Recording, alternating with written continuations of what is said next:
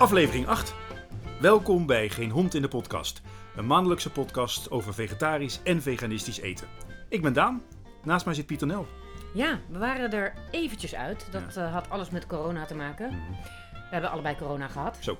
Ik was even mijn smaak en geur kwijt. En dat is gewoon totaal niet handig als je een podcast maakt over eten. Nou, bij paniek was het ook, hè, bij jou? Best wel even een ja, paniekmomentje. precies. maar we zijn er weer. We zijn er weer. En eh, niet zomaar. En hoe?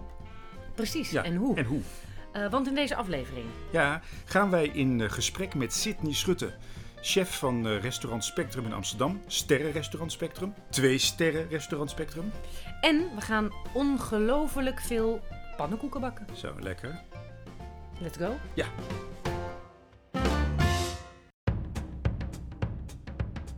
Wat we net al zeiden, we zijn naar restaurant Spectrum in Amsterdam gegaan. Twee sterren restaurant Spectrum. Sydney Schutte is daar de chef.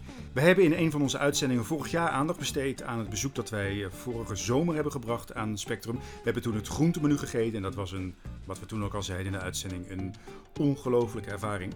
Ehm, en we gingen met hem in gesprek over de uitdagingen van het vegetarisch koken op sterrenniveau. Nou, mijn naam is Sidney Schutte en eh, ik ben de chef in de Waldorf Astoria in Amsterdam. In het prachtige restaurant eh, eh, Spectrum. Ik ben, voor, ik ben dus niet alleen voor Spectrum, maar voor heel de, Wal- heel de. Ehm, maar ja, mijn, grootste focus ligt vooral op Spectrum, omdat het toch wel mijn kindje is en heel erg veel energie en aandacht naartoe gaat. Eh, het heeft twee Michelinsterren en ehm, ja, ik kook daar ook ontzettend veel vegetarisch, wat ik ja, gewoon heel erg, leuk, heel erg leuk vind, maar ook echt wel een beetje mijn passie is. Ik, heb, ik loop er zo lang heb ik over na te denken om misschien helemaal vegetarisch te gaan. Oh ja? Ja, en dat is niet zozeer dat ik eh, zelf vegetarisch ben. Ik eet wel, als ik thuis ben, altijd vegetarisch. Ja? Ja, gewoon puur ook een beetje voor mijn gezondheid, denk ik ook wel.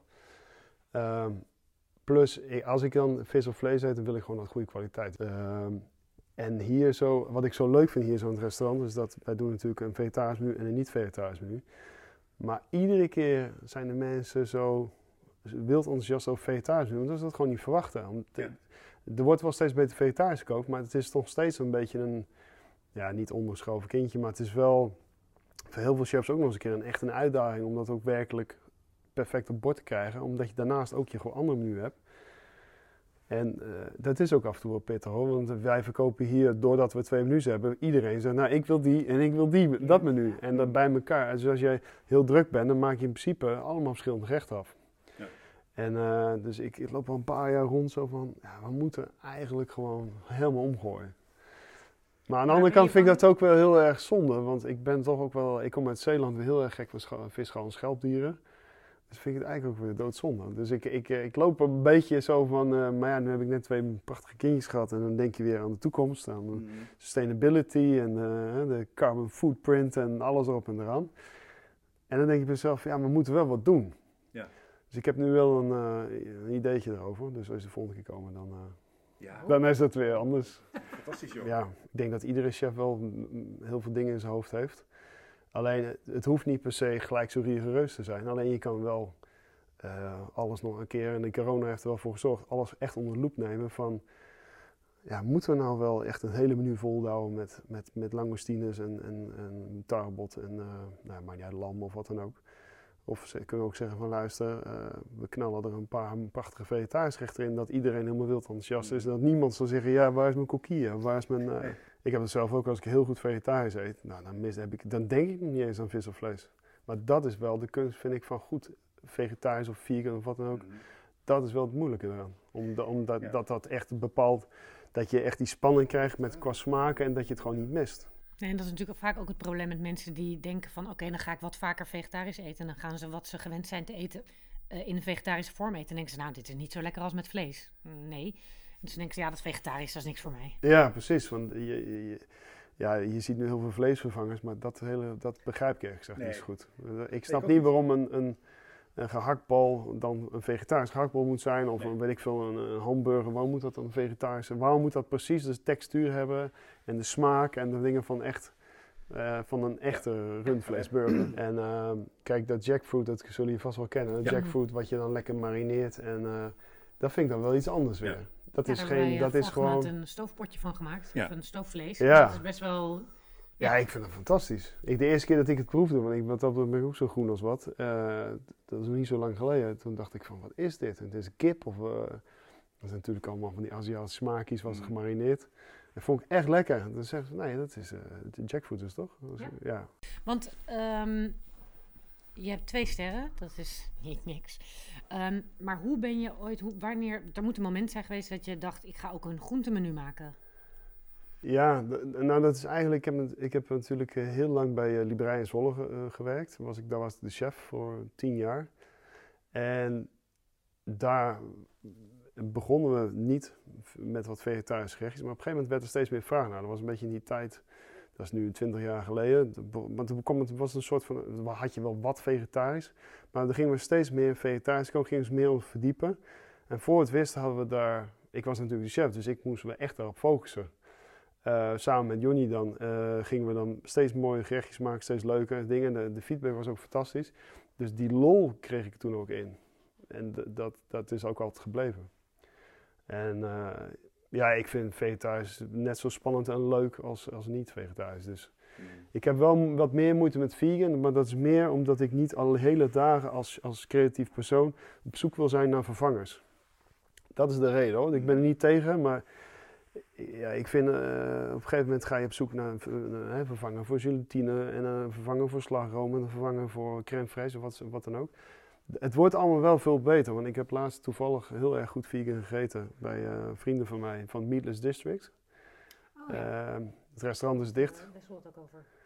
Ja, en eh, bij Claire. En eh, ik was echt flabbergasted. Ik vond het waanzinnig goed.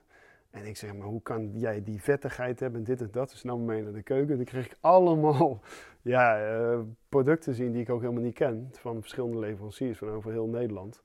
Ja, vegan, vegan vervangers, zeg maar. Maar dat is wel een, een, een, eh, een heel andere ja, business. En ik vind dat nu, tot, nu wil ik me echt focussen op, op kwaliteit vegetarisch en, Ja. en gewoon, zeg maar. En wat zijn voor jou de uitdagingen van het eh, vegetarisch koken op dit niveau? Want eh, thuis een leuk vegetarisch lekker iets, maar dit is, wat jij doet is echt wel iets anders. Ja, maar dat is, dat is ook een beetje eh, moeilijker dan, denk ik. En het vergt ook wel meer van je als chef, hoor. Want kijk, als je een vegetarische combinatie maakt, bijvoorbeeld zoetzuurprei met wat geitenkaas en ik doe wat quinoa op. Dat is wel leuk, maar dan is nog geen gerecht. Ja, voor sommige mensen wel, maar ik bedoel, het gerecht moet echt helemaal kloppen. Zodat ieder hap die je, die eet, dat er een bepaalde spanning in zit, maar ook textuur en eh, een bepaalde balans ook qua smaak. En ehm, wat je eigenlijk niet wil, is dat hij te veel naar het frisse gaat. Je wil wel die volle smaak hebben. Dus je, als, wij, als wij een vegetarisch gerecht maar, eh, verzinnen, dan is het altijd... eh, je doet bepaalde hoofdingrediënten samenstellen, zeg maar. Oké, dit, ik, dit gaat denk ik de combinatie worden. Maar dan ga je wel kijken van... Als ik dat fermenteer en als ik dat lichtjes rook en als ik dat... Zo krijg je die spanning in het gerecht. Dus het is niet een kwestie van wat ingrediënten op bord gooien. Het zit hem vooral bij mij vaak eh, echt ook wel in de technieken. Die ervoor zorgen dat het spannend gerecht wordt. Dat je denkt van, dat je hem echt even niet aan ziet komen. En dat is eh, bij vegetarisch moeilijker of een grotere uitdaging dan bij vlees, omdat je bij vlees al een bepaalde textuur hebt? Of... Ja, nou weet je wat het is? Bij vlees zit toch de kracht en de kwaliteit van het product. Dus als je eh, prachtige langoustines hebt of zo, dan ga je er niet nog hooggesproken circus bij wijze van omheen bouwen, want dat, dat focus het langoustine. Dus, dus, maar bij vegetarisch heb ik dat juist een beetje anders, zie ik dat anders. Bij vegetarisch moet je wat dieper gaan om die spanning op te bouwen. Kijk, een mooie langoustine of een kreeft, dat is, dat is al een prachtig product van zichzelf. Het enige wat je moet doen is nog mooier maken. Maar bij vegetarisch heb je nu ook heb je bijvoorbeeld prachtig witte asperges.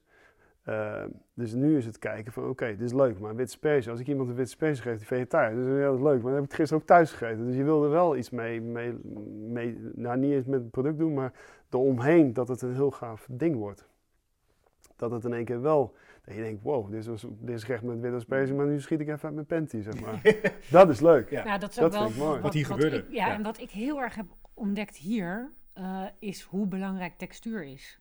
In een gerecht. Dus dat je denkt van, oh, ik neem een hap. Blablabla, en dan gebeurt er ineens nog iets. Of je denkt, oh, er zit nog een krokantje. De, Ja. Die dingen. Hè, die, Ja, Leuk is dat, hè? En fantastisch. als Ik heb nu weer een paar, ik ben nu aan het proefkoken voor de heropening van, man, Ja, straks ja. mogen we weer open. Ja. Ik ben al de hele week bezig met één hapje, ik word er helemaal gestoord van. Ja. Maar die wordt ook leuk. Ja, maar dan, dan, maar dan, dan, dan, dan heb je het dan is het is af en dan ga je het uh, proeven en dan denk je, nee, dit is nog niet goed. Of nog niet af. Gaat dat zo dan? Dat jij zo lang... Ja, ja, ja. Ja. Ja, ik ben al de hele week, tenminste we zijn een proefkoken natuurlijk met het hele menu. Ja. En uh, we hebben nu een gerecht, is uh, ja, ook vegetarisch gerecht. En dan zit er uh, een soort, ja, het blauw, melk van blauwe kaas erbij. En iedere keer denk ik, het is lekker, het is lekker, het is lekker. Maar het, het vlakt ook het gerecht af. De basis karnemelk en dan infuseren met blauwe kaas. En, maar dat is heel subtiel, hè? dus niet heel sterk of zo. En, de, en, er komt dan een hele mooie kersen bij en magnolia en uh, weet ik het allemaal. En dan, uh, en dan proef je het en dan proef je het nog een keer. En van de week had ik vier keer op één dag geproefd. En dan zeg ik, dit is goed, maar dit is... En dan iedere keer denk je van, dit is hartstikke leuk en lekker en het is helemaal prima. Ja. Maar het is niet wauw. Nee, nee, nee. Prima is niet wat je zoekt. Nee, dus, en dan is het niet van, ik, dit is nou waarvoor ik terug zou komen of zo. En dan, soms moet ik het echt parkeren en dan, ga ik, dan, dan word ik ook gek voor mezelf. En dan ga ik een paar dagen later ga ik weer verder. Maar het gerecht is al wel heel eind. Maar nu ben ik eruit gekomen dat die, dat die blauwe kaasmelk uiteindelijk toch weg moet en in een andere vorm terug moet komen. Dus dat, uh, ja. Maar ik bedoel, dat is een heel proces. Ja, dus de ontdekking uh, blauwe kaasmelk is dan een goede. Denk ja, die ga ik wel gebruiken, maar hij, hij, hij komt hier gewoon niet helemaal uit de verf. Ja, nee, komt er niet uit. En dan, uh, maar iedere keer, weet je wat het is? Als je proeft, dan denk je van, wat, wat is het nou waar ik denk, van, dit is hem niet. Terwijl die wel heel erg lekker is, maar dan denk je van, dit is niet goed genoeg. En dat is wel de kunst natuurlijk, om dat te ontleden. Om te kijken van, ja, wat moet ik hiermee? Wat, ja. En dan zit er, de, er zit een crème van gebrande uh, zonnebloempit zit erbij. Dat, dat, dat maken van die kleine parels van. Maar het is heel vet. Als je in je mond doet, blijft heel lang in je mond hangen. Dus dan denk je, is dat het? Het is een beetje bitter op het eind van het branden, zeg maar. Zo zit je dat helemaal te ontleden. Dus op een gegeven moment, uh, kijk qua smaken, dat, de, je staat heel daar aan de keuken, je weet heel makkelijk hoe je iets lekkers moet maken. Ja. Maar het is wel de kunst om ook het wow-effect erbij te Ja. krijgen. En ik denk dat daar ook verschil zit in niveau van restaurants. Om, eh, je, je, je, maakt een maaltijd die is fantastisch, maar je hebt een maaltijd die is super. Je hebt een maaltijd die is gewoon heel gewoon. En ik denk dat daar een beetje verschil in zit. Zo moet Ja. je ook onderscheiden. Maar Zeker hoe- vegetarisch. Dat vind ik dus een interessant, wa- wat jij zegt inderdaad, je hebt bepaalde smaken. En dan weten eh, eh, gewone chefs weten ook van, oké, die smaken combineren lekker. En daar kan ik iets lekkers Ja. mee maken. En dan denk je, ja, oké, ik wil daar iets mee doen. Maar dan moet het dus helemaal zo'n, dat je helemaal kippenvel krijgt. En dan, dan denk je van, ik vind dat proces zo interessant. Dat je dan denk je van, oké, maar misschien als ik die biet, als ik er een schuim van die biet maak. Of hoe, hoe waar, wat zijn dan, of heb jij inmiddels een, een pakketje, een rugzakje waar, met trucs waarvan je weet van, nou, oké, dat werkt wel altijd goed zo en dat werkt wel. Nou, ja, dat denk ik altijd dat ik zo'n rugzakje heb. En, eh, dat, maar heel vaak denk ik, die rugzak is toch te klein. dus iedere keer ben je wel bezig om die, die rugzak meer, met meer ideetjes in te vullen. Eh, want je kan niet... het- ja, het zou te- technisch gezien wel kunnen. Je kan niet zeggen van, ik doe altijd mijn trucje over dat gerecht. Altijd een soort sausje eroverheen. Want dan gaat alles, wordt alles hetzelfde. Ja. En ik vind het eigenlijk juist leuk dat je iedere keer, als je een soort van opnieuw gaat bedenken van, hoe zou ik dit nu eens doen? Anders val je echt in een soort... eh, Maar dat, dat een eh, gerecht van een gewoon lekker gerecht naar iets echt heel bijzonders gaat, zit hem dus meestal in gebruikte technieken. Nou, ja, en, en, en, ten, in- nou ja, en ten, in combinatie met eh, het product natuurlijk.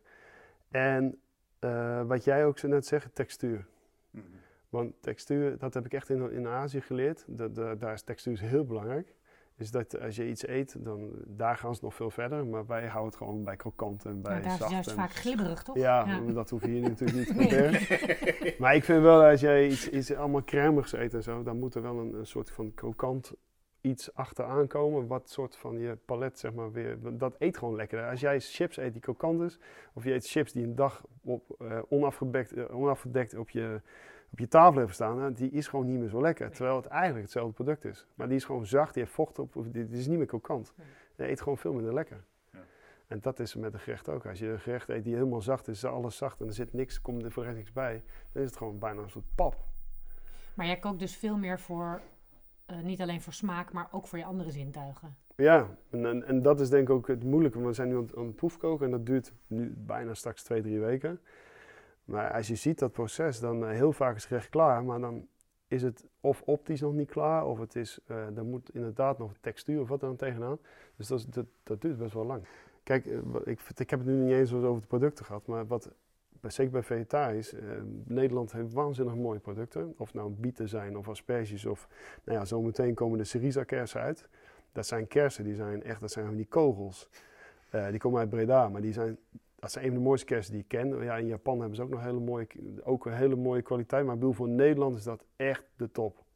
Eén zo'n kers kost ook bijna een euro volgens mij. Die zijn ongelooflijk duur, maar ze zijn ook e- echt groot en sappig. En dat is één bom aan smaak. Dus ik kan me er al verheugen dat het seizoen eraan komt. Uh, maar dus nu ben ik met Spaanse kersen ben ik nu even aan het proefkoken. En, uh, maar ik weet dat zometeen over twee weken komen ze los. En dan gaan we daarmee door. Maar dan heb ik het klaar. Maar ik kan niet wachten dat ze... We vallen net... Het is heel raar door die corona. Dan val je midden in het seizoen. In één keer moet je alles op tafel zetten. Ja, het is heel raar. Normaal doe je dat allemaal geleidelijk. Maar nu moet alles nieuw. En um, hoe is de reactie in het algemeen op... Want kijk, mensen die vegetarisch eten en een groentemenu bestellen... Die zijn sowieso blij. Maar wij begrepen van sommelier volgens mij... dat er ook best wel wat mensen komen en nog niet weten wat ze willen gaan eten. Of misschien van plan zijn vlees te gaan eten en dan het groentemenu zien en denken... Nou, probeer het eens. Ja. En hoe zijn de reacties dan? Ja, dat vind ik eigenlijk de leukste reacties. Want die mensen die rekenen niet op en die hebben zoiets van laat ik eens een keer vegetarisch eten. En nou, wat het leukste voorbeeld is, hier de directeur is uh, Roberto Paia. Dat is een Italiaan. En uh, echt een doorgewinterde Italiaan die heel erg gek is van de Italiaanse keuken. En eigenlijk is maar één keuken, dat is Italië. Ja, ik vind dat wel mooi hoe, die, uh, hoe, trots, hoe trots die man is. En natuurlijk, het is ook fantastisch. Maar die houdt wel echt van een stukje vlees. En toen ik hier ging koken en dat vegetarisch, ja, dat vond hij allemaal leuk, maar daar moest hij niks van hebben. Maar hij eet gewoon dit menu met proteïne. Mhm. En op een gegeven moment was hij een keer en uh, ik zeg, allemaal leuk, maar je moet echt eens een keer vegetarisch eten. Nou, en heeft hij het gedaan en sindsdien is het helemaal om. Ja, ja, ja. Die man is 70 jaar, of, of 69, maar oppas wat ik nu zeg. maar in ieder geval, uh, ja, die heeft er echt wel wat meegemaakt. Maar die is nu helemaal om. Die, die snapt het nu in één keer, dat ook vegetarisch heel erg lekker kan zijn. En dat vind ik, dat vind ik mooist wat er is. Dan heb ik echt iets bereikt, vind ik. En dat, dat ja, ja, er zijn heel veel mensen die zeggen heel stug van luister, ik wil mijn vlees en ik wil dit. Mhm. Maar ik denk niet meer dat dat van deze tijd is. En jij denkt dus dat je in de toekomst vleeseters kunt verleiden door in het uh, gewone menu of in het vleesmenu al wat vegetarische gerechten. Omdat ze misschien normaal zeggen van nou dat vegetarisch is allemaal eng. Terwijl ze daar gewoon een paar gerechtjes van krijgen, dat ze dan... Dan, is het, dan wordt het veel sneller geaccepteerd. Ik denk het wel, ja. Het is me niet, echt niet mijn bedoeling om mensen uh, om te turnen naar vegetarisch, nee. helemaal niet. Maar ja, ik denk wel dat het, uh, ja, wat ik net al zei, met de sustainability en uh, dus de, de carbon footprint, dat we wel echt met z'n allen wat aan moeten doen. Mm -hmm. We kunnen niet gewoon zo door blijven gaan. Er zijn gewoon veel te veel mensen op deze aardbol en het gaat gewoon veel te hard. Mm -hmm. We moeten echt wat doen. En, en sinds dat ik twee, uh, twee baby's heb, die tweeling, ja, ben ik me veel meer mee bezig. Het is heel gek, maar toch doet het je echt wat. Je wilt dat die kids gewoon een mooie toekomst ja. hebben. Wat, wat ik wil nog af zat te vragen, want gebruik jij nu in je gerechten wel eens soja of dat soort producten? Tahu, tofu? Nee. nee. Is, dat nee. Iets, is dat iets wat je... Waar dat je... denk ik ook niet eens aan, nee. moet ik zeggen. Ik was benieuwd naar je, want dat zie je dus... Als wij naar een gemiddeld restaurant gaan, en dan bedoel ik dus echt gemiddeld, nee, dus een, een, dan um, vergeleken met de sterren, dan zit er altijd één of allemaal gerechten met tahu, tofu, dat soort dingen. Of een omgedraaide portobello. Dat is wat. zou, zou jij kunnen. Jij, jij, denkt ook niet in dat soort producten? Nee, nee, maar dat komt ten eerste, ben ik geen fan van. Maar het zit ook niet in mijn echte. Dat heb ik echt niet in mijn gedachten zitten. Maar ik denk, ik, denk ik, snap, ik snap wel dat als je uh, een zaak hebt waar je maar twee, drie gangen serveert, dat je dan misschien dat toevoegt om het gerecht wat meer body te geven. Want je moet wel vullen natuurlijk. Kijk, het voordeel is hier zo, als je een tastingmenu eet van zeven of acht gangen, dan hoef je niet iedere gang uh, met sojaproducten, want dan leg je bij gang 3 leg je ja. eraf. Dus dat mag lekker licht, dat mag gewoon lekker licht zijn en het bouwt dan op. En dan, maar dat je gewoon goed gevuld uh, bent, zeg maar. Alleen, ik heb zelf dan een restaurant Café Cliché en daar heb ik ook vegetarische gerechten. En ik probeer dat eigenlijk op te vangen door andere dingen te gebruiken. Bijvoorbeeld uh, avocado is een, een hele goede... Iedereen vindt avocado fantastisch. En het vult ook lekker. Kijk, je kan, uh, je kan er duizend dingen doen, maar zo zijn nog een heleboel producten. Dat ik denk van ja, als je dat doet, hoe, ik hoef geen tahu of tofu of uh, nee. dan te gebruiken. Wat, ik, wat ik nog dacht, is er nou een, een, een groente waarmee je de afgelopen jaren hebt uh, geëxperimenteerd, waar je, waar je het niet meer voor elkaar krijgt? Dat vind ik wel een leuk of, of, in ieder geval niet op het niveau wat je wil, laat ik het zo stellen. Dat je denkt, ja, dit, dit, kan, dit wil ik niet nog. Dat vind ik wel een leuke vraag. Wat ik heel moeilijk vind, is uh, uh, Nederlands pompoen. Daar kan ik helemaal niks mee. De, de Nederlandse pompoen. Nederlands. Ik werk altijd met Japanse pompoen. Die wordt wel Nederlands gekweekt. Omdat kabotja is dat. dat die kan je ook eten met schil. Oh. En die pompoen is echt fluweel zacht. Maar als je een Nederlands pompoen eet, is die, die lompe, ronde dingen. Mm. Ja, ik, vind, ik, ik, kan er niks mee. Ik doe echt mijn best en dan denk ik van, hey, ieder jaar probeer ik het een keer. En ieder jaar denk ik van, eh, ga je maar gewoon lekker weer terug naar waar je vandaan komt. Eh, t- nee, dat, eh, dat, maar over het algemeen heb ik dat niet. Maar dat vind ik wel een moeilijk dingetje. Ja. Om, dat komt omdat hij eh, heel snel gaar wordt. En hij wordt korrelig. Hij wordt waterig. Het is eigenlijk niet wat je wil eigenlijk, als kok zijn. Maar het zit hem dan eigenlijk nog meer in, de, in het type product van de, binnen, de, binnen het pompoen zijn. Wie welke je dan kiest. ja. Het is niet dat jij zegt van nou, de courgette, dat, dat, dat, dat gaat er nooit worden. Nou, ik, ik, nu zeg je eentje courgette. Er zijn wel groentes waar ik niet zoveel interesse in heb. Maar dat zijn meer de groentes die een beetje plat zijn qua smaak. Ik vind courgette vind ik heel vlak. Ja. Daar moet je veel olijfolie en bijvoorbeeld basilicum en dat soort dingen tegenaan gooien. Of je moet er echt wat mee doen. Maar het product zelf heeft niet veel smaak. Nee. En ik werk niet zoveel met producten die eigenlijk heel vlak van smaak zijn. Daar heb ik zoiets van, ja, wa- wa- waarom zou ik het dan gebruiken? Soms doe ik het wel om het eh, gerecht een beetje ja, uit te balanceren of zo, noem maar wat. Maar ja, thuis, eh, thuis bij de vegetarische keuken thuis of vegan, dan zie je toch wel vaak dezelfde dingen. Kikkererwten Ja. en eh Courgette. courgette. Maar ik hou dat ook wel een beetje in achterhoofd voor mensen. Als mensen hier komen eten, hou ik, dan, dan kook ik er juist niet mee. Want ik weet die mensen dat de hele dag thuis eten. Ja. Dus ik vind dat moet je ook wel in je achterhoofd houden. Ja. Ja. En, eh, mijn, mijn vriendin die, eh, die, die kookt vaak eh, Hello, Hello Fresh, is dat Ja. zo'n pakket, Ja. maar dan vegetarisch. Ja. En altijd zie ik diezelfde dingen voorbij komen. Je, kan dan kiezen uit, maar allemaal zit het wel. De bulgur, de, de kikkererwten, ehm, eh, ja, wat, wat nog meer. eh, Glasnoedels. Glasnoedels, eh, tomaten. ja, het is, en ik zeg, het is hartstikke goed, hè? Ja. begrijp me niet verkeerd. Alleen, ik hou dat wel in mijn hoofd. Als je hem nu maakt, moet je daar dus niet mee aankomen. Nee. Want daar zitten mensen dan ook weer niet op te wachten. Nee. Mensen willen echt iets, iets Ja. anders, iets Ja. meemaken. Maar je beantwoordt net ook een vraag, die, of een gedachte die ik ook had. Dus een, eh, twee Michelin chef eet thuis Hello Fresh. Nee, ik niet zo. Ik niet hoor. Oh, ja, oh, Nee, nee, maar ik ben niet zo vaak thuis. oké. nee, maar ik zat Nee, als ik thuis ben, dan kook ik altijd zelf. op dit niveau. Nee, nee, nee. nee, nee. Ik doe heel veel barbecue. Echt Ja? bijna, bijna altijd. Heb je gewoon zo'n green egg of zo en dan... Ja, zo'n bastard, zo'n zo'n zo'n groot ei. En eh maakt niet uit hoe koud het is, het ding staat altijd aan. En dan, eh, Als kijk, Maar neem je thuis dus wel nog ga je de... niet doen. de- sorry? Zo'n Hello Fresh zak van Hello Fresh. Dat is- Nee, dat- nee, dat is niet mijn ding. Tenminste, ik, ik, ja, ik, ik heb toch gewoon, het is niet eens dat het niet goed is, maar ik doe dat niet. maar je neemt thuis dus nog wel de tijd om te koken. Ja, ja, vind ik leuk. Vind ik heel leuk. En eh, kijk, bijvoorbeeld van de week had ik, eh, had ik ook witte asperges en dan kan je ze koken en dingen. Maar wat ik heel lekker vind, is witte asperges bijvoorbeeld op barbecue doen. En dan helemaal, eh, doe ik zo- zo'n houten stokje en dan kan je ze draaien aan de, aan de kont. En daarna, als ze bijna gaar zijn, ze helemaal gebarbecued, dan zijn ze al super lekker. Dan kwast ik ze een heel klein beetje met boter, maar zomaar niet te veel. En dan gooi ik parmezaan overheen en laat ik hem helemaal karamelliseren. hartstikke goed, joh. Ja, maar dat doe ik op de barbecue. Maar als je dat eet, dan, ga je echt uit je, dan schiet je echt uit je broek. Want dat is echt super lekker.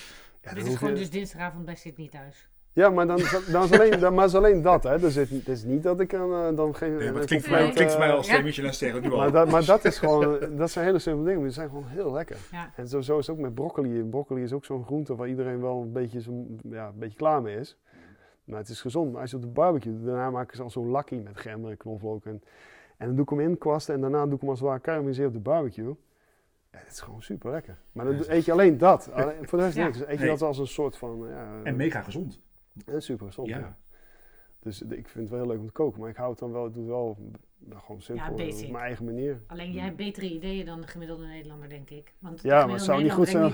Zou Nee. niet goed Nee, zijn nee, nee. Ja, ik, ik, Gewoon, ik, ja. ik zou dan nog wel eens een keer, ja, ik heb tijd tekort, maar ik zou er best nog een keer wat meer mee willen doen. Maar je kan, als je echt een beetje cursus krijgt barbecuen met groentes, dan denk ik dat in de toekomst heel veel mensen echt, eh, als jij diep zoete puntpaprika's hebt, ja, het is een van de lekkerste dingen die van de barbecue afhaal. En daar doe ik niks mee. Maar echt niks. Die gooi ik erop en die vergeet ik bijna. En eh, constant draaien. En op een gegeven moment zijn ze zo zoet en zo lekker gerookt en dingen. Het enige wat ik erop doe is een druppeltje olijfolie op de- als, als je op bord legt. En een beetje maldonzout, van dat grovere zout. Ja, dat is gewoon, dan, kan je mij echt wegbrengen, want dat is het lekkerste wat er is. maar, dat, Oh. en, maar dat vind ik het leuk van barbecue. Het hoeft niet eh, altijd vlees en, Nee. ehm, Nee. en vis te zijn. de toekomst. Je hebt het al een beetje gezegd. Eh, dat je zelf dus iets meer toe wil naar meer groenten. Maar dat je het niet helemaal doet omdat je ook bang bent dat je dingen gaat missen nog.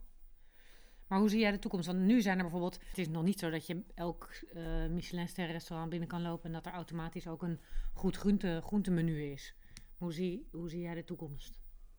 Eh, nou, ik, ik, ik weet het niet, ik kan het niet voor anderen zeggen, maar ik weet wat de toekomst er hier goed uitziet in dit restaurant. Ja. Door het nee, groente door het Ja. doen.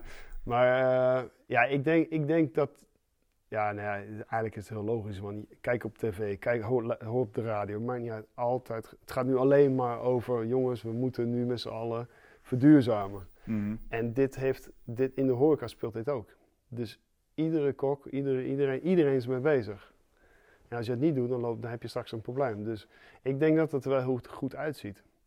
Alleen wat ik, wat ik hoop wel is dat iedereen wel, ehm, wel echt zijn eigen ding gaat doen. Niet met me allen achter elkaar aan gaan lopen. Ik, eh, De nieuwe winkel in, eh, in Nijmegen. Nijmegen, die heeft nu ook ster gekregen. Eh, ik ken dat niet, mijn vriendin is helemaal lyrisch over die zaak. Kijk, dat is geweldig, dat soort, dat soort zaken. Dat, dat die gewoon de ballen hebben, want dat is wel zo. Je moet wel de ballen hebben om het te doen. En te zeggen, we luisteren, we gaan compleet vegetarisch. En eh, degene die het niet wil, die, die, ja, die gaat lekker Ja. ergens anders. En, eh, maar die doen ook hun eigen ding. En als iedereen gewoon lekker zijn eigen ding doet op zijn manier. Kijk, ik zou je zeggen, die asperges eh, met die parmesan dat ik net zei. Als ik die in Café Cliché zou serveren. Gewoon drie asperges met die parmesan, helemaal gekarameliseerd op de barbecue. Met dat barbecue smaakje eraan. Dat is gewoon een gerecht, hoef niks bij te doen. En iedereen gaat dan blij zijn. Maar dat bedoel ik, dat, is heel, dat zie je nergens. Maar Nee. zo simpel en maar gewoon goed bereid. En, en als iedereen zo zijn eigen ding doet, dan, dan ziet het er gewoon heel goed uit. Maar als maar niet iedereen, als er de toptenten bijvoorbeeld eh, een specifieke dingen gebruikt, iedereen dat ook gaat doen. Want dan, dat, dat, dat is jammer. Ja. Iedereen moet gewoon lekker zijn eigen ding doen. En probeer lokaal eh, leveranciers te vinden. Ja. En dat is echt, dat is, dat is ook wel heel erg Wel belangrijk. kersen, geen pompoen. Nou, pompoen wel, maar wel uit eigen land. Ik heb, ze, ik heb ze voor het eerst merk, heb ik mee gewerkt in Hongkong. En daar heb ik ze leren kennen. Dus ik was hier in Mm. Nederland. En toen sprak de leverancier. Die zei, nou, die hebben we hier ook. Ik zeg, lul Oh. niet. Ik zeg, waarom merkt Die, niemand van die, Nederland? die Cambodja. Die kabotje Die, die je- haal je uit Nederland nu. Die komen uit Nederland. Die eh, Oh. worden in Nederland gekweekt. Oh. Maar, Maar- ja, precies. Ik heb ze leren kennen in, eh, in, in Hongkong, zeg maar. Die kwamen ze uit Japan ingevlogen. Want dat is in Japan. Dat is Ja. echt een heel ding. eh. Ja. Ehm, dus, dus, ja, je hoeft niet eh, helemaal de wereld over Nee. voor... eh, maar dat is het mooie. We zijn veel verder in Nederland dan we denken. Er is, er, iedereen is bezig met innovatie, met nieuw... Allemaal leveranciers zeggen tegen mij van... Luister, als jij iets moois ziet of als je iets moois... Kom ermee, want ik ga ermee bezig. Weet je? Hm. Iedereen Mhm. wil verbeteren en vernieuwen om toch een beetje vooruit te lopen. En Mhm. dat zorgt wel voor, voor die, ja, dat, dat je hele mooie producten steeds meer krijgt. En steeds meer dat aanbod verbreidt. Zeg maar. Ja. En dat gaat nu heel hard hoor. Ja. Veel harder dan we denken. Nou, je draagt er in ieder geval een eh fantastische steen aan bij. Ja, Door dit op dit niveau ook aan te bieden. ja. Dus eh, wij werden er heel vrolijk van. Nou mooi. Daar ben ik super blij om. Ja. Nou, bedankt dat we weer eh, een ventgesprek mochten houden. Heel graag gedaan. Heel graag gedaan. precies. Hartstikke leuk. Ja. En eh, ik hoop jullie snel weer te zien. Ja, nou, Zeker. Ja. ja, dat gaat wel lukken.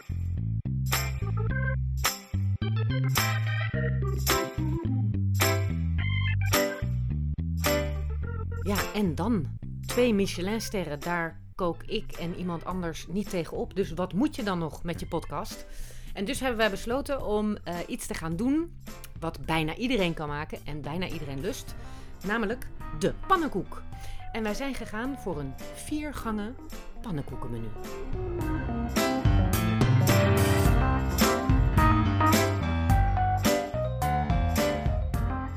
De pannenkoek. De pannen, pannenkoek. Wie is er niet mee groot geworden? Nou, wij, ik ben groot geworden met de pannenkoek. En inmiddels is het de pannenkoek. Pannen, pannenkoek. Ja. Ja, nee, wij aten thuis ook wel pannenkoeken.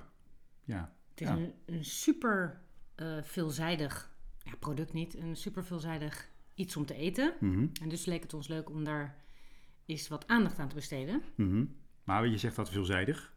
Kijk, als je bij een pannenkoekenhuis, daar kom ik niet vaak op, maar als ik in een pannenkoekenhuis kom en je slaat de menukaart open, dan staan daar, zonder te overdrijven, 6000 pannenkoeken. Hè? Niet normaal. Ik denk, alle producten die je kunt bedenken, worden daar, daarop gedaan en ook aangeschaft door Ja. allerlei eh, types. Omdat de theorie volgens mij is, alles kan op een pannenkoek. Vraag het me is- af hoor. Het kan natuurlijk en zoet en hartig. Dat maakt wel eh, de variëteit echt super groot. Mhm. Maar vroeger altijd pannenkoeken met poedersuiker, Ja. kristalsuiker, Nutella. Eigenlijk zoals... eh, Jouw kinderen nog- nu ook weer ja. Maar ehm, omdat je er zoveel mee kan en omdat Mhm. eigenlijk iedereen wel een pannenkoek kan maken. Ja, ja dat, dat, is nog een leuke anekdote even die ik je even kort meegeef. Ik ben ooit, dat is alweer jaren geleden, in een of ander gehucht ergens, waar volgens internet eh, een van de beste pannenkoekenzaken zat. Oh, zometeen het echte beste pannenko- pannenkoekenhuis ga ik zo ook nog even onthullen. Maar waar een van de beste pannenkoekenzaken zou zitten. Ik heb nog nooit zo'n gore pannenkoek gegeten. Waarom was die melig of dik? Hij was melig en dik en niet gaar. En Oh. eigenlijk alles waar een pannenkoek voor staat, had deze niet. Nee, je kunt een pannenkoek ook niet lekker bakken. Dat is zo. Mhm. Ik had vroeger ook een vriendinnetje, daar kreeg je thuis van die hele dikke. Dat is Mhm. inderdaad niet lekker. Maar, maar goed, oké, als je een pannenkoek niet kan bakken, kan je ze tegenwoordig ook kant-en-klaar kopen. Ja, die zijn best aardig te doen. Ja, ik, is- ik zou het niet verkiezen, maar eh, Als het moet. als het moet. Als, als je echt niet in staat bent om een pannenkoek te bakken, zijn ze best oké. Zoals ik net al beloofde. oh ja, wil ik toch nog even meegeven aan... In eh, Zeewolde, in, Le- eh, in eh, Flevoland, ja. Daar ligt het pannenkoekenhuis Hans en Gietje. Eh, nee, ligt in Dronten, Dronten of Zeewolde. Een van die, van die ligt volgens mij ook bij elkaar. En dat is een pannenkoekenhuis, niet zomaar een pannenkoekenhuis. Daar, nee, dat, het heet niet, ook niet voor niks Hans en Gietje. Er zit een gigantische buitenspeeltuin omheen. Eh dus er is een, een En hek- ze hebben een heks met een ketel. Nee, dat is, Oh. ja, maar nu ga jij, nu, nu wil je eigenlijk een, een geintje maken bij mij. Ja. Nee, ze hebben een heks die orgel speelt. Ze hebben een, een, een van de delen van het restaurant waar je, waar je eet, dan kan je een touw trekken en dan gaat, het, gaat de vloer gaat als een soort punt omhoog en dan zit je helemaal schuin aan tafel. Nee, Tafel ja. Dus dat is voor iedereen met kinderen, maar ik vind het zelf dus ook leuk. En dus echt een eh, bijzondere ervaring om daarheen te gaan. En met lekker weer kunnen ze naar buiten en toestanden. En eh, ook eh, met fietsjes rijden buiten. Echt bijna een pretparkje. Maar de pannenkoeken daar zijn ook echt fantastisch lekker. oh wat leuk. Ja, dus ga ik jou een keer mee naartoe nemen. Ja, leuk. Ben benieuwd. Ja. Ehm, toen dachten we, oké, we willen dus laten zien dat je heel veel met pannenkoeken kan doen. Mhm. Eh, en nu hebben wij bedacht dat we dan een vier gangen menu wilden maken alleen maar met pannenkoek. Tenminste, pannenkoek als basis. Als basis. Ja. ja. Overigens kan je uiteraard je hele dag vullen met pannenkoeken, want er zijn ook al hele lekkere eh bananenpannenkoekjes om mee te ontbijten. Mhm. Eh, er staat het internet mee vol met recepten daarvoor. En je kunt pannenkoeken, dat heb ik pas een paar jaar geleden ontdekt, ook koud eten. Ja, Ja, heel niet, goed. Ja, niet ingevroren natuurlijk, maar als je pannenkoeken hebt en die heb je in de koelkast gezet en die, de dag erop kan je daar dus echt wel in... eh, Ja, want eh blinis worden bijna altijd koud gegeten. Blinis zijn ehm, eigenlijk een beetje in het formaat van poffertje. mhm. Russische pannenkoekjes. En die worden eh, van oudsher volgens mij voornamelijk met hartig belegd. Dus met vis, caviar en dat soort dingen. Maar ook met zoet. Mhm. Dus een soort mini-mini ehm, pannenkoekje. En eh, dat is dan een, een, een klein hapje, zeg maar. Een soort Russische tapas. Ja, en die worden bijna altijd koud gegeten. Ik heb nog nooit een warme blini gegeten. Ik zeg blini, want zo heet het. Niet Nee, Bellini, het heet dus- Blini. Blini. Blini. Dat is ook Russisch dan Ja, Blini. maar dat vind ik dus zo leuk als je kijkt naar de hele wereld. De pannenkoek is over... In, in elk continent kun je een vorm van pannenkoek vinden. Mhm. Eh, maar was onze pannenkoek er eerder en kwam toen de Blini of is de Blini de basis? Nou, ik weet van onze pannenkoek dat die mee is genomen uit eh, China en Nepal. Dus uit eh, van, Onze pannenkoek. onze pannenkoek. Grootmoeders, grootmoeders pannenkoek. Zeker, maar dat was toen nog voornamelijk met boekwijd. Dat, Ja. Vroeger was het boekwijd en een klein beetje bloem. En Mhm. eh, dat is later meer bloem geworden. En toen zijn er ook nog eieren toegevoegd. Dus dat zat, zat eigenlijk niet in het originele recept. Mhm. Ehm, maar bijvoorbeeld in Australië eten ze dus pannenkoeken als dessert. In Amerika eten ze weer als ontbijt. In Ja, Duitsland eten Maar ze... in Amerika eten ze dan die American pancakes. Ja, maar dat is toch een iets- vorm van pannenkoek. Is dat eigenlijk hetzelfde soort beslag? Nee, eh, voor een pancake, eh, daar zit, eh, net als bij blinis trouwens... Nee, bij blinis zit er gist in, zodat het rijst, daar wordt het zo vol van, Ja. zeg maar. En in pancakes zit bijvoorbeeld weer karnemelk. Dus er zijn gewoon kleine Karnemelk. American pancakes over het algemeen met karnemelk. Maar je Oh. kan ook met opgeklopte eieren en zo aan de slag. Dus het zijn varianten van Hmm. de pannenkoek. In Maar- maar Duitsland was- maar eten ze weer een variatie van de pannenkoek in reepjes in en bij de soep. Hè? Ja, is toch leuk? Het klinkt heel In goor. Frankrijk heb je de crepe. Oh ja, de crepe. crepe. Is dat eigenlijk ook... Maar dat is heel Crepe dun, lijkt, ja, maar crepe lijkt weer veel meer op het originele recept zoals het ooit naar Europa is gekomen. Ja, en wij hebben gewoon, wij hebben er een, een, eh, romiger ding van gemaakt. Maar je kan ook inmiddels super lekker vegan eh, pannenkoeken maken. Wij maken wel eens die ehm, Koreaanse Ja. groente pannenkoek, zeg maar. Die is ook helemaal vegan. Hm. Staat overigens op de site onder de goede voornemens. Ja. En dan is het gewoon eh, meel, water en er is verder niet veel voor nodig. Dan heb je al een lekker eh, pannenkoek. En als je meer de pannenkoek pannenkoek wil Mhm. creëren, kun je natuurlijk met sojamelk aan de slag en dat soort dingen. Dus Maar hij is dus uit China. Komt, komt, is het dat... daar- het idee van de pannenkoek. Maar wat weer leuk is, de pancake, zou je denken, komt van onze pannenkoek. Is Mhm. natuurlijk gedeeltelijk zo. Maar toen eh, wij vonden dat we Amerika ontdekten, wat er al lang lag, Mhm. toen had de inheemse bevolking daar ook al een vorm van pannenkoek. Dus die bestond al. Dus, dus, dus, dus claimen dat de pannenkoek een, een oud-Hollands Nee. is, dat kan eigenlijk helemaal niet. Nee, maar de pannenkoek is los van elkaar overal ter wereld ontstaan. Het is natuurlijk een heel logische vorm van eh, eten maken. Je Ja, ja. maakt een deegje en dan go- gooi je het op een steen of iets warms. Ja, maar voor mij is, voor mij is als je eh, oliebollen en, en wafels en, en, en pannenkoeken, dat is een beetje zo eh Hollandse, Vlaamse. maar dat is dus zo. Nou, waarschijnlijk Chinees wel de pannenkoek. Nee, de pannenkoek zoals we hem nu eten is waarschijnlijk heel Nederlands. Want alle andere varianten zijn weer net even een beetje anders. Mhm. Dus Wat, wat is jouw favoriete pannenkoek? bedoel je qua beleg? Nou, stel wij gaan nu naar een pannenkoekenhuis toe en we hebben 6000. 6000. Wat zou je dan kiezen? Met eh, appel en een beetje kaneel. Ja. Ja. Lekker. Ja. En jij? Poedersuiker. Alleen poedersuiker. Poedersuiker en dan oprollen en dan van die plakje, en dan naast elkaar van die plakjes snijden. En ik vind kaaspannenkoeken ook lekker, maar over, dat, dat, dat gaat je op een gegeven moment tegenstaan. Als je er zes op hebt. Nou, in een pannenkoekenhuis krijg je natuurlijk een pannenkoek zo groot als een tafel. Ja, En als ik daar dan een kaaspannenkoek zou nemen, zou ik denken, ik weet het niet. Vind ik veel. veel. Veel. Ehm, laten we beginnen met ons vier gangen pannenkoekenmenu. Mhm. Ik ga beginnen met een kleine amuse. Oh. Ja, en eh, dat wilde ik natuurlijk in de vorm doen van een blini. Maar ik had niet heel erg zin om helemaal apart blinis te maken voor twee hapjes. Dus ik heb pancakebeslag Ja. gebruikt om een kleine blini te maken. Dus in plaats van dat ik dan een grote lepel in de pan deed, gewoon met een eetlepel een klein beetje. En dan heb je ook een hoog. Maar je zou ook voor een blini zou je ook bijvoorbeeld poffertjesbeslag kunnen nemen. Of je maakt gewoon echt Maar, blinis. maar wat, wat- ja, oké. Je ga je het erbij pakken en dan vertellen wat het is. Dat is goed. Oké. Nou, dit ziet er toch al heel gezellig Ja. uit. Dit is wel echt het fijne van blinis. Mhm. Ehm, als je ze een keer echt gaat maken of in deze variant. Je kunt er zoveel verschillende toppings op doen en het ziet er meteen heel gezellig uit. Dus je kunt als je een feestje hebt of Mhm. gelegenheid, heel leuke grote schaal met allemaal blinis en Mhm. toppingjes. Het is niet moeilijk, want ja, je hebt gewoon een blini en je gooit er wat op.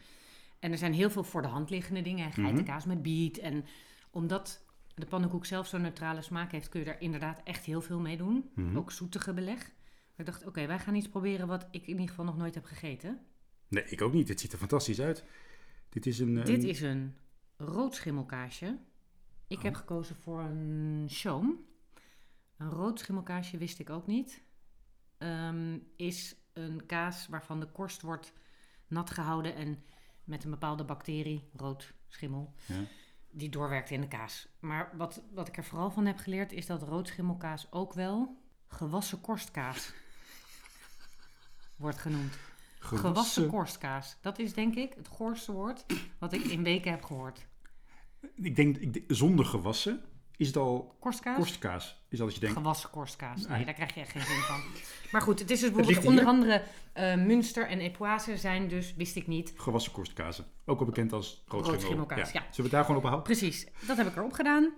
Een klein beetje perzik en een Oh, beetje dragon. Het ziet er echt super lekker uit. Daar ga je. Nou, wat mij eerst opvalt, is dat die roodschimmelkaas heel zacht is. Ja. Van smaak ook. Ja, ik weet wel wat ik ervan vind, want ik vind het op zich heel lekker. Alleen ik vind eerlijk gezegd dat die perzik echt wel een beetje wegvalt bij die kaas. Dus, Ja. Maar aan de andere kant, zonder die perzik, het, is, het, zorgt wel voor een, beetje frisheid, zeg maar, die juist wel lekker is bij die kaas. Mhm. Maar om nou te zeggen dat ik de perzik zelf Nee. ook echt heb genoten, nee. Nee, je zou bijna zeggen dat hij er mooi op zit voor, de, voor beeld. Ja, en dat het lekker is dat je een beetje iets fris in je mond hebt, want anders heb je en zo'n pannenkoekje en kaas, dat is allemaal heel zwaar. Dus het is wel echt lekker voor de fris, maar Mhm. Maar je, hebt- je hebt geen perzik op. nee. Nee. Hm. Dus ik Maar- vind het idee van zo'n een kaasje en iets echt fris erop wel heel goed. En, en het zag er super spectaculair uit. Dus ik zou Ja. ze sowieso voor feestjes maken. Want iedereen wordt... Het is ook niet dat je denkt van... Hé, wat heb ik nou voor iets raars in mijn mond? Maar het is ook niet een wow-factor. Nee. Op naar de volgende gang. Oké. Wat wordt We gaan naar het voorgerecht. Ja. Dat wordt dus een American pancake. Mhm. Met gemarineerde aardbeien in balsamico azijn. En het recept zegt honing, maar daar heb ik eh ahornsiroop van gemaakt. Ja. En een beetje peper en verse basilicum. Ja. En geitenkaas. Oh. En munt. Zo. Dat eh, ziet er goed uit. Smakelijk. Echt, echt super mooi uit. Ja, dit is echt super lekker. Ja, hier word ik ook heel blij van. Het is een combinatie eh, geitenkaas aardbei, wat ongetwijfeld al bestaat in een bepaald gerecht, ongetwijfeld hoor. Maar dat, ja, ik vind het echt, echt heel gelaagd en eh, ja, Ja, het is super fris. lekker. Het is fris en, en daardoor ook een beetje vrolijk, moet ik Mhm. dat zeggen. Ja. Maar je eet ook echt wel iets. Ja. Het grappige van die aardbeien en die pannenkoeken denk je, oh ja, het is iets zoets. Maar dan krijg je die geitenkaas en denk je, oh nee, hè, wacht, het is iets hartigs. Dit zou ik dus ook zo op een etentje serveren. Ja. Ook omdat het heel makkelijk te maken is. Je maakt die pancakes, die zijn al af, hè. Mhm. Die heb je smiddags gebakken of je haalt ze ergens, whatever. Dan zet je die aardbeien dus even in de marinade.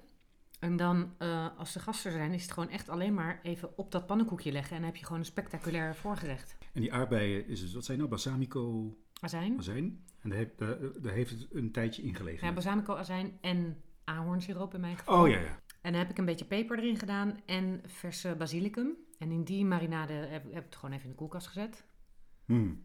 En dan ehm, lek je ze uit. Lek je ze uit? Dan Laat je ze uitlekken. ja, giet je ze af. Ja, giet je af. En dan vang je dat, eh, die marinade op. Want daar heb ik dan nog wel een beetje van over dat pannenkoekje heen gedrapeerd. Nou, weet je, maar het is ook qua beeld.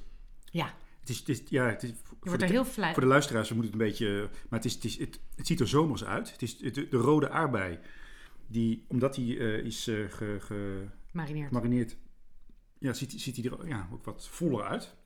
Dat witte van die geitenkaas, dat groene van die munt. En het pannenkoekje zelf ziet, nou, het is echt... Ja, je wordt er eh, heel vrolijk van als ja. je het ziet, hè?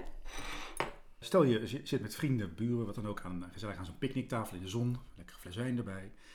En je wil op een gegeven moment iets op tafel zetten, dan ben je niet een uur weg van de gasten. Dan loop je naar de keuken, ting tang tang, maar dan kom je binnen. Nou, de oors en a's zullen...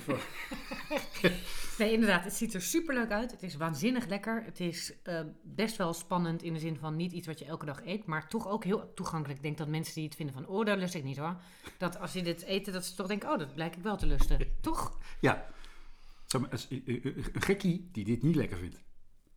Knappe jongen. Knappe jongen, die... Is natuurlijk zo, want er zijn ook mensen die houden niet van geitenkaas of van Nee, aardbei. nee. Ehm, op naar het hoofdgerecht, maar dat moet nog even gemaakt worden, want Ja. dat moest natuurlijk wel warm gesfeerd. Ja. Want we gaan aan de spinazie pannenkoekjes van Otto Lengi Ja. met citroenboter. En dan kan je wel doen van, eh, oh, wat interessant, maar die hebben wij echt al vaak gemaakt. wat vinden wij heel lekker, dus die gaan we nu eh, voor het hoofdgerecht Ja. gerecht maken. ja, zin in. En daar liggen ze. Zo, daar liggen ze in. De spinazie pannenkoekjes van Otto Lengi met eh, limoenboter. Mhm. We zetten het eh, recept gewoon weer online. Hè? Ja, lijkt me een goed plan. Het is ehm, helemaal niet moeilijk. Maar vooral de boter maakt deze pannenkoekjes echt spectaculair. Hè? Er zit spinazie in de pannenkoek. Mhm. En ik heb je volgens mij met een bosuitje in de weer gezien. Bosuitje, pepertje, dat soort dingen. Komijnzaad. Ja, en in de boter zit eh, limoen, limoenrasp Ja. en eh peterselie. Dat klinkt allemaal heel simpel, maar als je het dan maar even laat koelen in de koelkast is het echt waanzinnig lekker. Mm. Zo, ja. Dit, dit, dit, eh. Op deze manier is een pannenkoek meteen heel erg een hoofdgerecht. Hè? Ja. Omdat het eh, met die groenten en die het is best wel eh, spicy ook. En echt wel een hap. Je eet echt wel iets. Ja. Ja, en het ziet er echt ook heel mooi aantrekkelijk uit. Die boter is echt top.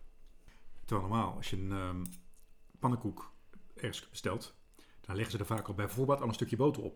Dat vind ik goor. Ja, vind ik ook smerig. Ja, terwijl hier, lekker. Ja, je moet het. Maar het is wel ook die combinatie van die pannenkoek met dat frisse, scherpe van die boter. Ja, ik weet niet. Kijk, wij zouden nu natuurlijk heel erg verbaasd en zo van, oeh, ik ontdek dit en oh, wat is dat en wat vind jij daarvan? Maar ja, heel eerlijk, we hebben deze al best wel vaak gemaakt, omdat ze waanzinnig lekker zijn. En eh, voor Ottolenghi eh, niet ingewikkeld, maar vooral eh, met ingrediënten die je ergens kan kopen. Dit, kan, dit is allemaal gewoon in de plaatselijke supermarkt te verkrijgen. Dat is ook wel eens fijn. Dat, sche- dat, dat, dat... Oh ja, dat is toch die groene peper. Ja. Proef je die ook op je tong? Dat die- Zeker. Was dat ook de vorige keer? Ja, maar toen kon ik geen groene peper vinden in de supermarkt. Heb ik rode erin gedaan. Ja, dat is, ik vind het echt een toevoeging. Deze pannenkoek op zich is natuurlijk al heel lekker met die spinazie en die bosui en zo. Maar door die boter gebeurt er een soort klein wondertje. Ja. Die, die wisselwerking tussen wat er in de pannenkoek zit en in de boter is echt eh, magic. Ja, ah, heerlijk. Echt eh, heerlijk.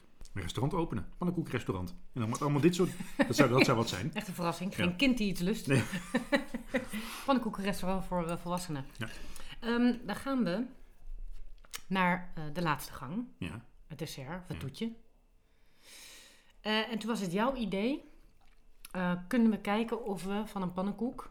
of we een koffiebroodjespannenkoek kunnen maken. Dus met de smaken van een koffiebroodje Ja. een toetje maken. Ja. Ik vind koffiebroodjes dus heel lekker. Ja. Dus toen dacht ik van, hoe, hoe kan dat? Toen hebben wij daarover ge- gefilosofeerd. Toen zijn we erop uitgekomen dat daar onder andere nu ingaat. Bakkersroom, Ja, rozijnen. ja. Eh, we gaan dan een eh, glazuurtje voor erop maken. Oh ja, Eh, maar we- ik ga in het glazuurtje... Ik heb voor in het glazuurtje wel een... een wat irritant dat ik glazuurtje zeg. Wat zijn dat voor mensen die dat soort... Jij? Voor, ja, want ik zat namelijk... Weet je waarom het extra irritant was? Nee. Ik wilde zeggen, ik heb voor het glazuurtje een likeurtje. Toen dacht ik, oh, wat ben jij... Jij bent er zo'n zo'n wijf wat overal tje achter zit. Ja. De luisteraars nu die jou dat horen zeggen, die hebben een beeld bij jou nu. Zeker. Boos.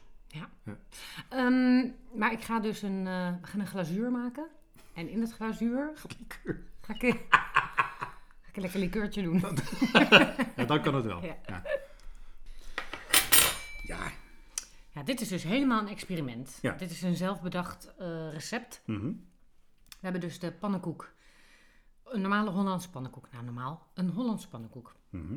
Belegd met bakkersroom en rozijnen erin. Ja, die heb je al gemengd voordat je het erop smeerde. Ja. En ehm, heb ik hem zo in vieren gevouwen. Ja. Dus één keer door de helft en dan, ja, dat zegt het eigenlijk Een al. hè? kwart is het Ja. Ja. Kwartje. En daar overheen zo in van die strepen, heel professioneel. Dat ehm, leuke glazuurtje. ja, glazuurtje met likeurtje. Ja. Dus dat is een glazuur, poedersuiker, water met een kwart... wat? Quarantaitret. Oeh, nou ik heb daar zin in, dat ziet er heel goed uit. En Lekker, heel lekker. Ja, en ik vind het, ik vind het likeurtje echt een toevoeging. ik heb wel, ehm, dus ik vind het heel lekker, die pannenkoek met die banketbakkersroom werkt heel goed. Voor mij had de glazuur iets minder gemogen, want ik dacht, ja, ik ga er heel veel op doen, want dat is lekker. Ik hou, denk ik, toch van iets meer gematigd. Jij vindt dit waarschijnlijk echt lekker. Ja. Hij is er nu helemaal mee bedekt. Dat, ik, ik sta bekend als, Glazuur, Als eh, niet- als ook als niet gematigd. Zeker. Ehm, en het enige wat ik een beetje heb, is ik vind de structuur van de rozijnen in je mond niet per se. Dus als ik dan eet en ik krijg zo'n rozijn, dan denk ik, oh ja, hier moet ik wel een beetje meer op kouwen, maar het is wel iets zachts. Ik weet niet. dat- Ook als je weet wat het is.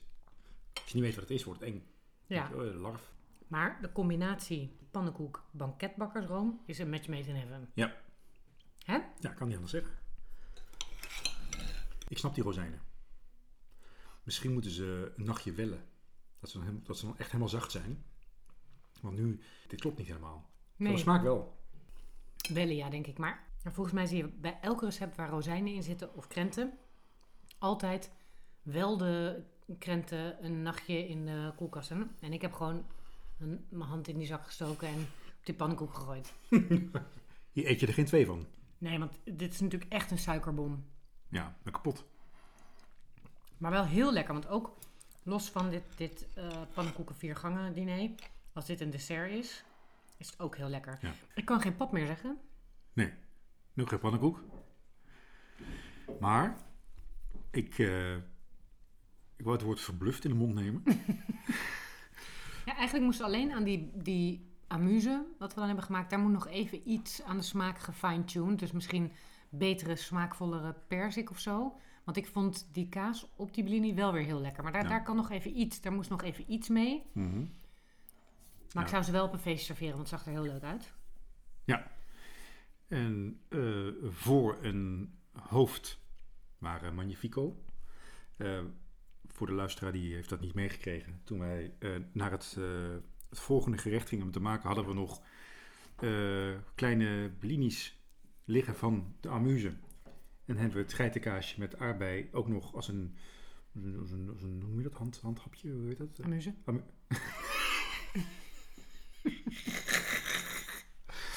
Als een, eh, als een amuse.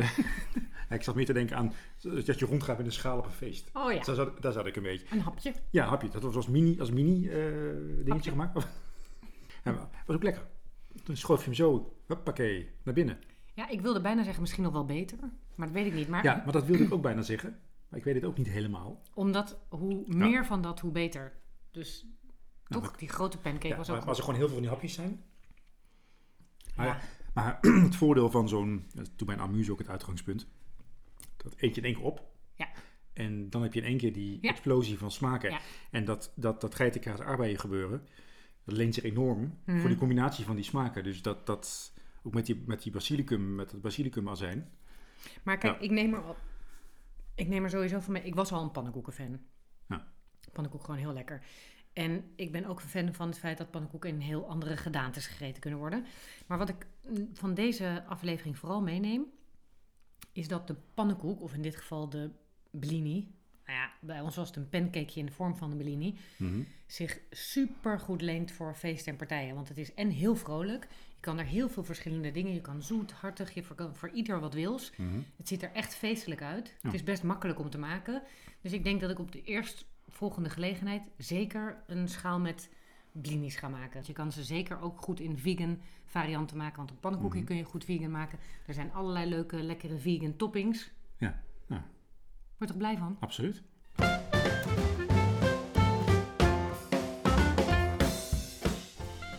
Dat was hem dan alweer, Daan. Zo, Aflevering 8. aflevering 8. Ik vond het ontzettend leuk om, om na twee maanden ja, sabbatical, Mini sabbatical. mini sabbaticaltje, Corona eh, sabbatical. corona sabbatical, om weer eh, lekker met jou achter de microfoon te zitten. Ja, ik vond het ook heel fijn. Ehm, ik ben benieuwd wat we volgende maand gaan doen. Ja, daar gaan we eens even goed over nadenken. Tot dan. Tot dan.